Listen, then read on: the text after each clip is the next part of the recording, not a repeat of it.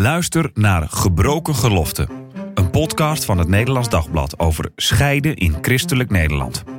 In deze podcastserie gaat journalist Daniel Gillissen vanuit zijn eigen ervaring in gesprek met experts en ervaringsdeskundigen, zodat jij begrijpt wat scheiden betekent en om scheiden onder christenen beter bespreekbaar te maken. Luister naar Gebroken Geloften in je favoriete podcast-app.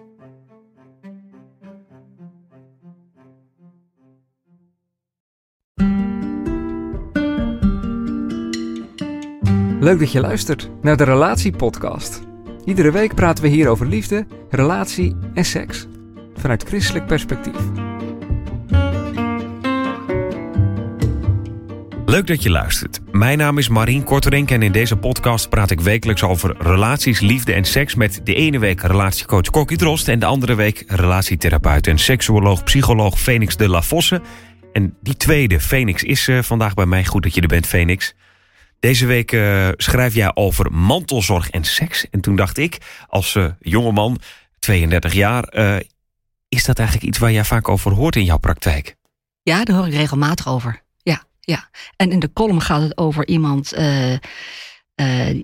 die wat ouder is, hè, een ouder echtpaar. Maar mantelzorg, intensieve mantelzorg kan natuurlijk ook met gaan over mensen die veel jonger zijn. Bijvoorbeeld na een heel ernstig ongeluk of een dwarslesie of wat ook of een degeneratieve ziekte. Daar kan ook mantelzorg uh, echt nodig zijn. Ja, want mantelzorg kan natuurlijk in die zin ook tijdelijk zijn. En ja. niet zo, zo van uh, als je alleen maar ouder bent Precies. en tot de rest, ja. tot je ja. overlijdt, bij wijze van spreken, heeft iemand mantelzorg nodig. Maar inderdaad, je kan er ook een half uh, jaar uit liggen, bij wijze van spreken. Um, eventjes die casus schetsen. Wat speelt er hier? Uh, in de casus is de man uh, zijn vrouw uh, kwijt. Hij is zijn maatje kwijt. En hij is dus ook zijn, zijn geliefde kwijt. waar hij seks mee had. Um, en daar komt hij voor. En hij wil zijn verhaal doen. Hij wil niet zozeer een, een, een advies, maar hij wil wel zijn verhaal kwijt. Ja, en dus niet echt kwijt, maar inderdaad meer van... zij heeft te maken met dementie. Ja. en daardoor gevoelsmatig is hij zijn partner kwijt. Ja, precies. Ja. En um, hoe komt zo iemand dan bij jou? Die denkt, die wil eigenlijk gewoon praten, maar die denkt dan toch, ik moet naar een seksuoloog. Um, ja, dat, dat kan soms via een huisarts lopen. Dat er uh, andere klachten zijn waar uh, in dit geval bijvoorbeeld zo'n partner mee worstelt. Depressieve klachten bijvoorbeeld. komt amper zijn huis nog uit. Vereenzaam daar thuis ook, omdat hij zijn vrouw niet alleen durft te laten of kan laten. Um, dus ja, dan is het op een gegeven moment een neerwaartse spiraal. En dat de huisarts zegt van nou, laat ik, ga, ga toch eens praten. En als hij daar ook heeft laten vallen dat seks een probleem is, ja, dan, dan neem ik het daar mee. Ja, uiteindelijk uh, is dat niet het probleem, zeg jij. Wat is dan wel het onderliggende probleem hier? Het onderliggende probleem is dat hij uh, het heel erg lastig vindt om haar los te laten. Want zo voelt het voor deze man als hij naar een verpleeghuis gaat, dan, dan raakt hij daar echt kwijt. Hij wil eigenlijk zo lang mogelijk zijn vrouw uh, bij zich houden. En dus ook dat ze allebei in hetzelfde huis blijven ja. wonen en ja. dat hij haar dan verzorgt. Ja, precies. Ja. Omdat hij bang is dat ze weggaat, terwijl hij ook zegt van ze is misschien al gevoelsmatig soms weg. Ja, dus dat is ook iets wat, ja, wat hij lastig kan delen. Uh, want wat natuurlijk nog vaak gebeurt is dat als iemand het verhaal vertelt aan bijvoorbeeld een bekende, de bekende met allerlei adviezen komt. Goed bedoelde adviezen. Terwijl het heel belangrijk is voor deze man dat er gewoon naar hem geluisterd wordt. Dat hij zijn, zijn ambivalentie ook, zijn dubbele gevoel uh, hierin mag, mag uh, vertellen. Van enerzijds ben ik er kwijt en is het er niet meer? En, en is het ook echt rouw en is het ook echt frustratie? Want zijn leven is heel erg beperkt en ingeëngd. Hij kan weinig meer ondernemen. Uh, aan de andere kant, ja, het is toch de vrouw waar hij zijn hele leven lang mee samen is geweest, waar hij van houdt. waarvan hij heeft beloofd van ik zal voor je blijven zorgen. ja, en dat wil hij ook waarmaken. Dus ja, ja het, is, het is heel dubbel. Ja, want we hebben het wel eens vaker over de rol van de omgeving. En ik zit hier daar dan ook aan te denken. Omdat zo iemand het misschien zelf al heel lastig vindt om bij wijze van spreken een keer te zeggen: ik neem een middag vrij af om echt eventjes uh, adem te halen, uh, ja. iets voor mezelf te doen, zeg ja. maar, uh, even er weer op uit te gaan. Ja. En de omgeving kan daarin misschien ook een hele belangrijke rol spelen door te zeggen van, ja, maar jij wil graag voor moeder zorgen, bij wijze van spreken, of voor, of voor je vrouw zorgen. Dus ja, dan moet jij ook thuis blijven. Ja. En dat het dan nog extra hard aankomt. Extra hard aankomt, ja, precies. Dus de ruimte voor jezelf vragen is lastig. Uh, en ook zeggen van, ik, ik ben het even zat. Want dat is hij soms ook echt. Hij is soms echt zat. Dat durf je bijna niet te zeggen als het om je partner gaat soms. Nee, precies. Want als mensen dan zouden gaan zeggen van... ja, maar waarom gaat ze dan niet naar een verpleeghuis? Ja, want dat wil hij nou net niet. Hij wil wel kunnen zeggen, ik ben het soms zo zat. Ik kan er niet meer tegen. Gewoon uh, even ventileren. Zonder dat daar een advies komt van... maar kan het dan niet beter gaan? Nee, dat wilde juist weer niet. Ja. Wat doet dat eigenlijk met een relatie als, als je uh, als een van de twee zoveel mantelzorg nodig heeft dat de ander dat vooral aan het doen is? Nou, er ontstaan andere rollen. Uh, de gelijkwaardigheid verdwijnt. Uh, er komt echt een afhankelijkheid in, die er nooit zo is geweest. Want binnen een relatie ben je op een bepaalde manier natuurlijk altijd wel van elkaar afhankelijk. De ene zorgt misschien op een bepaalde periode wat meer voor de ander en dat, dat wisselt. Maar dit is een, een, een ja, een, een vaste uh, andere verhouding. De een is wel uh, bij machten en wel capabel en de ander niet. Is dat erg? Uh, als dat lang duurt, ja, dan, dan als rollen echt vast gaan zitten, is dat best wel ja, ondermijnend voor ieder geval wat er eerder is geweest. Ehm, en zeker als de zorg ja, heel erg intensief is, dus tot en met het verschonen toe, dan ja, dan ga je anders naar je partner kijken. Je, je, je, ja, je, je, let op, uh, je let op de gezondheid vooral. Dat is de ingang. Um, je ziet vooral de patiënt. En uh, als je niet oppast, niet meer zo gauw de partner. Omdat je zo moet zorgen. Ja. Wat heel begrijpelijk is. Heel dat, begrijpelijk je, dat je dat dan ja. inderdaad gaat zien. Ja. Uh, als ik jou zo hoor, dan denk ik soms wel eens van... moet ik dat, als het, mocht het zover komen ooit... moet je dat dan wel willen? Omdat je graag eigenlijk toch ook wil houden van... ja, wij hadden altijd een relatie en dat was gelijkwaardig, et cetera, Ja, et cetera. En, en, en dat je dat de ander helemaal niet moet willen. Ik ben natuurlijk niet, ik, ik werk natuurlijk niet in de zorg. En dat zullen heel veel mensen in een relatie eh, hebben. Kijk, er, er is zorg en zorgen. Het is ook eh, eh, het, aanreiken van allerlei spullen. omdat de persoon dat zelf niet meer kan. Bijvoorbeeld als het een dwarslesie betreft of zo. Hè? Of een, of een, een hele eh, gecompliceerde operatie waar iemand heel lang voor moet herstellen. Ja, dan zou je allerlei dingen moeten aanraken, eh, aanreiken. Ehm, dus eh, dat, dat is anders. Maar dat is, dat, is, dat is iets wat erbij hoort, denk ik je kan ook denken van nou, het, het verzorgen, het verschonen bijvoorbeeld. Laat ik dat nou aan professionals overlaten. Laat ik dat nou niet doen. Ik, ik ben wel in de zin betrokken en zorgzaam en ik eh, geef allerlei dingen aan. En ik moet me inderdaad misschien vaker eh, koffie zetten en dat Ja, dan aangeven, et cetera. En Ja. dat is ook prima. Maar het echt verschonen en, en, en, en verbinden, en, en, eh, dat laat ik aan de professional over. Omdat je dan toch wat, wat in je oude rol kan blijven. Waarin zorg en, en eh, verzorgen ook een onderdeel is. Ja. Dus eh, nou, misschien daar goed over nadenken ook vooral. Van, hey, hoe willen we dit samen invulling geven Ja, als, het, ja. als het ter sprake Ja, komt? wat ga ik wel voor je doen? Wat ga ik niet voor je doen? En wat laat ik aan een ander over om te doen? Ja. Ik kan me voorstellen dat seks in zo'n situatie ook ingewikkeld is.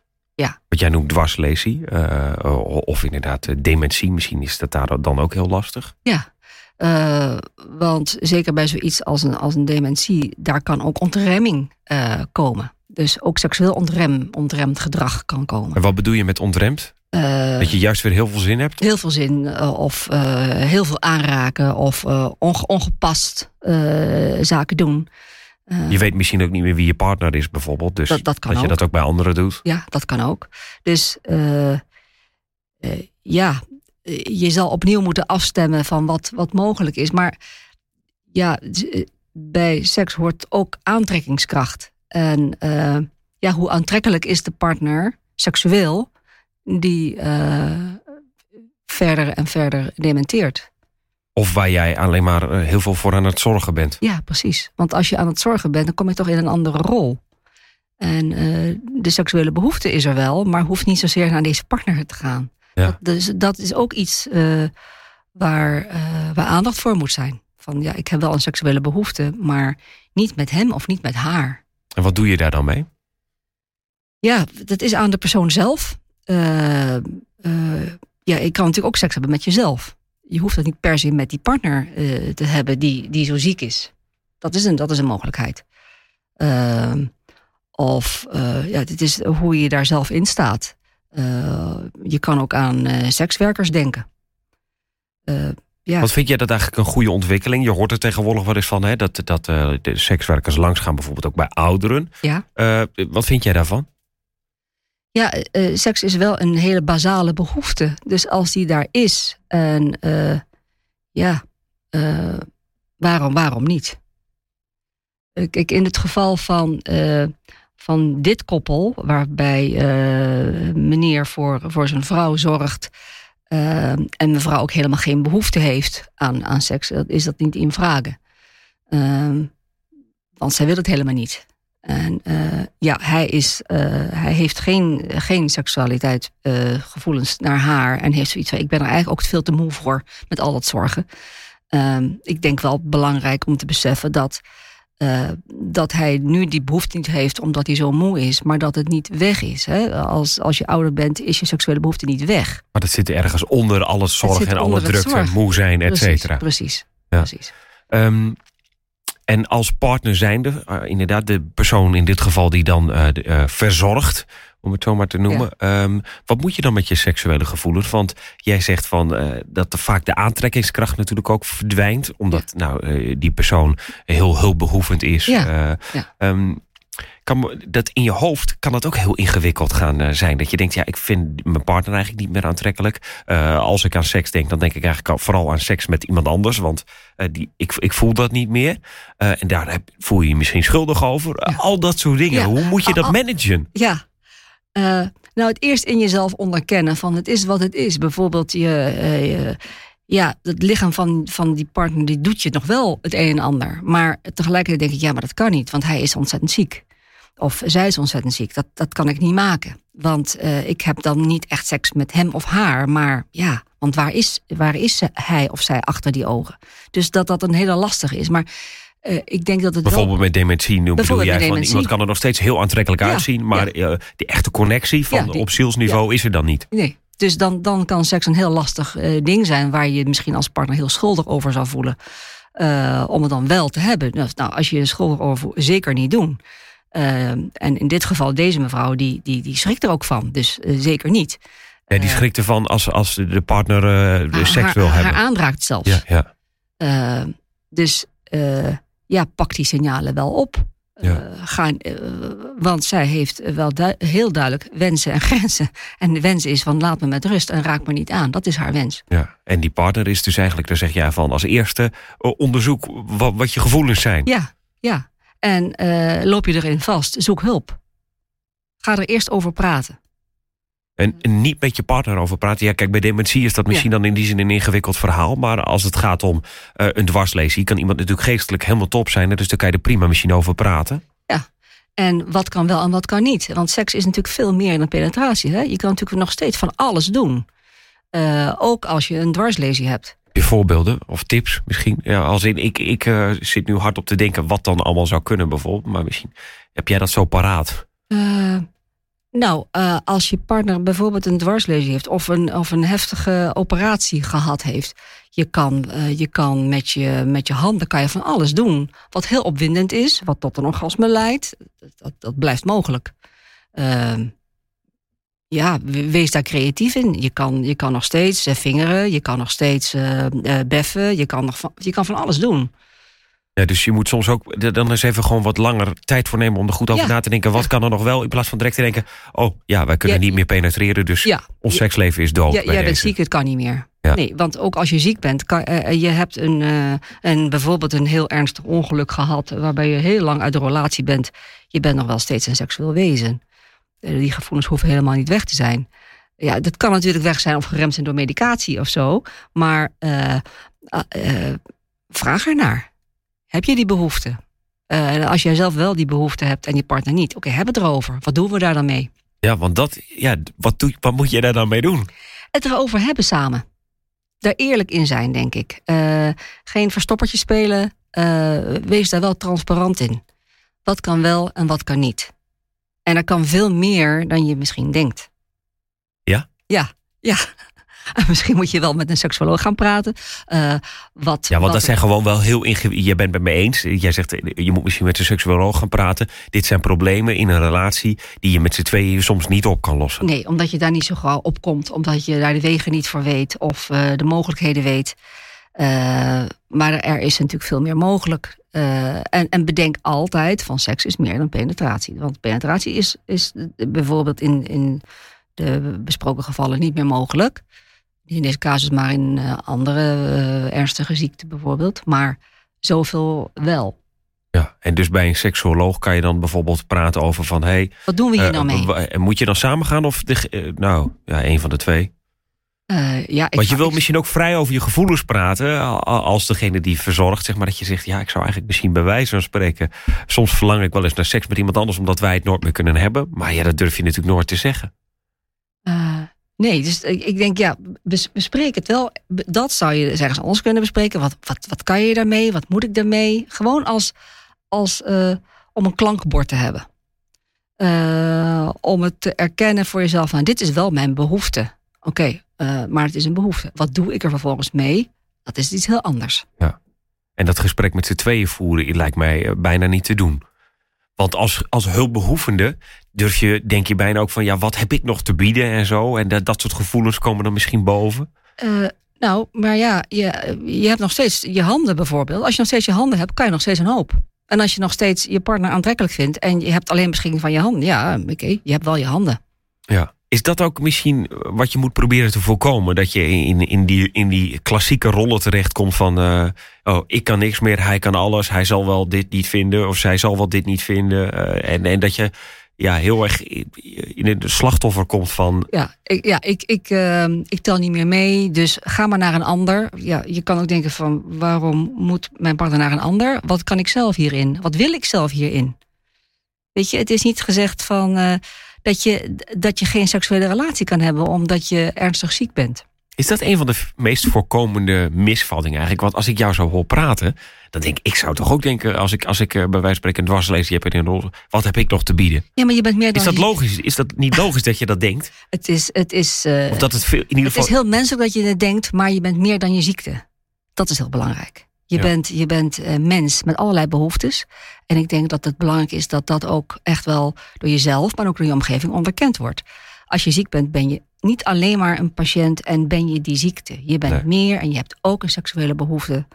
Uh, en je hebt ook allerlei wensen. En, ja. Maar het is ook logisch, wat ik omschrijf is misschien ook de eerste fase. Mocht je eh, van het een op het andere moment inderdaad daarmee te maken krijgen, dan is het misschien ook logisch dat je even in zo'n fase zit dat je dat gevoel hebt. Ja, en dan, dan moet je inderdaad die gesprekken en, en hoe moeten we de toekomst vormgeven. Precies, Je moet ook even die klap verwerken. Ja, precies. Want het is ook natuurlijk ook, ook, ook rauw. Hè? Uh, en als het iets is wat bijvoorbeeld een degeneratieve ziekte is, dan is het ook echt uh, rauw om, om, om de teloorgaan van het gezonde lichaam. Dat, dat, dat zit daar ook.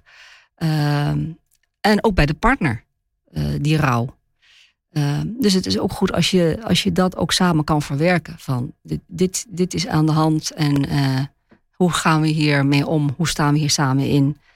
Uh, wat willen we voor elkaar betekenen? Wat gaan we voor elkaar betekenen? Ja. En we hebben het dan nu bijvoorbeeld over een dwarslees, een fysiek probleem. Maar misschien is mentaal nog wel ingewikkelder. Ja. Want dan kan je er in ieder geval samen niet meer over praten. Van hoe zouden we dat willen? Want iemand die dementerend is, dan is dat veel moeilijker om daar samen afspraken over te maken, bijvoorbeeld, denk ik. Ja, dan is het echt opgeleide van uh, ja, hoe ontwikkelt de ziekte zich? Um, en wat doet bijvoorbeeld medicatie? Uh, want regelmatig wordt natuurlijk ook medicatie verstrekt om mensen rustig te houden. Dat heeft ook zijn invloed natuurlijk op uh, de zin in seks. Ja. Um, tips om, uh, om af te sluiten. Even resume voor ouderen of mensen die in zo'n relatie zitten. Dat de een misschien meer verzorgend is en de ander meer verzorgd moet worden. Ehm, praat erover zolang het kan, ja. denk ik. Ja. ja, praat erover zolang het kan seksuoloog uh, bezoeken misschien als het ingewikkeld is? Ja, als je denkt van wat zouden we kunnen verzinnen. Uh, een van de partners is, is uh, ja, niet meer in staat om de, ja, om de seks te voorzien zoals eerder het was. wat kunnen we wel samen doen? Um, en ik had ook genoteerd dat het belangrijk is om na te denken over wat zijn je eigen gevoelens en behoeftes. Eh, los van wat je daar dan uiteindelijk mee doet. Ja. Dat zijn eigenlijk de belangrijkste tips, hè? Ja. en ga misschien met een expert praten, met een seksuoloog praten. Uh, als je bijvoorbeeld te maken hebt met een partner met dementie. Uh, en belangrijkste misschien nog wel, je bent meer dan je ziekte. Je bent meer dan je ziekte, ja. Dankjewel, Phoenix, voor deze week. Dit was hem voor deze week. Heb je ook een vraag over relaties, liefde of seks... waar je graag een antwoord op wil? Mail je vraag naar podcast.nd.nl of phoenix.nd.nl. Dan kan je je vraag anoniem insturen. Volgende week staat er weer een nieuwe aflevering voor je klaar. Tot dan!